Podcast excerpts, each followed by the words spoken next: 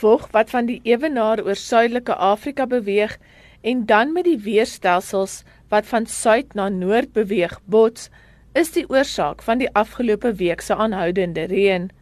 Die waarnemende hoofuitvoerende beampte van weer en klimaatdienste by die weerdiens, Tsepo Ngobeni, sê die weerstelsel is normaal. It's not something out of the norm. Like I said, we have El Nino, then we have um, summer season.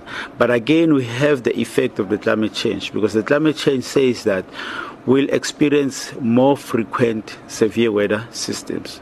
So we have seen over the years that severe weather systems like uh, flooding, severe thunderstorms, they're occurring frequently. So this is not something which is exceptional.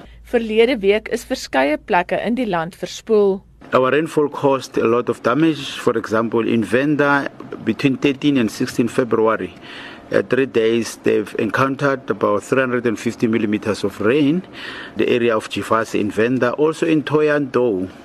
The Toyando Mall was very much flooded. Uh, the Toyando also experienced about 240 millimeters of rain in three days between the 13th and 16th. And that system now has moved to the east, has left the whole of South Africa. Ngubeni sê ons moet aanvaar dat ons in 'n El Niño seisoen is wat baie reën veroorsaak. Dit is ook somer wat gewoonlik die tyd is wanneer dit in Suid-Afrika reën. Hy sê die week sal grootliks mooi weer wees met 'n paar donderstorms in die middag. Ek is Lila Magnus vir SAIK nuus in Pretoria.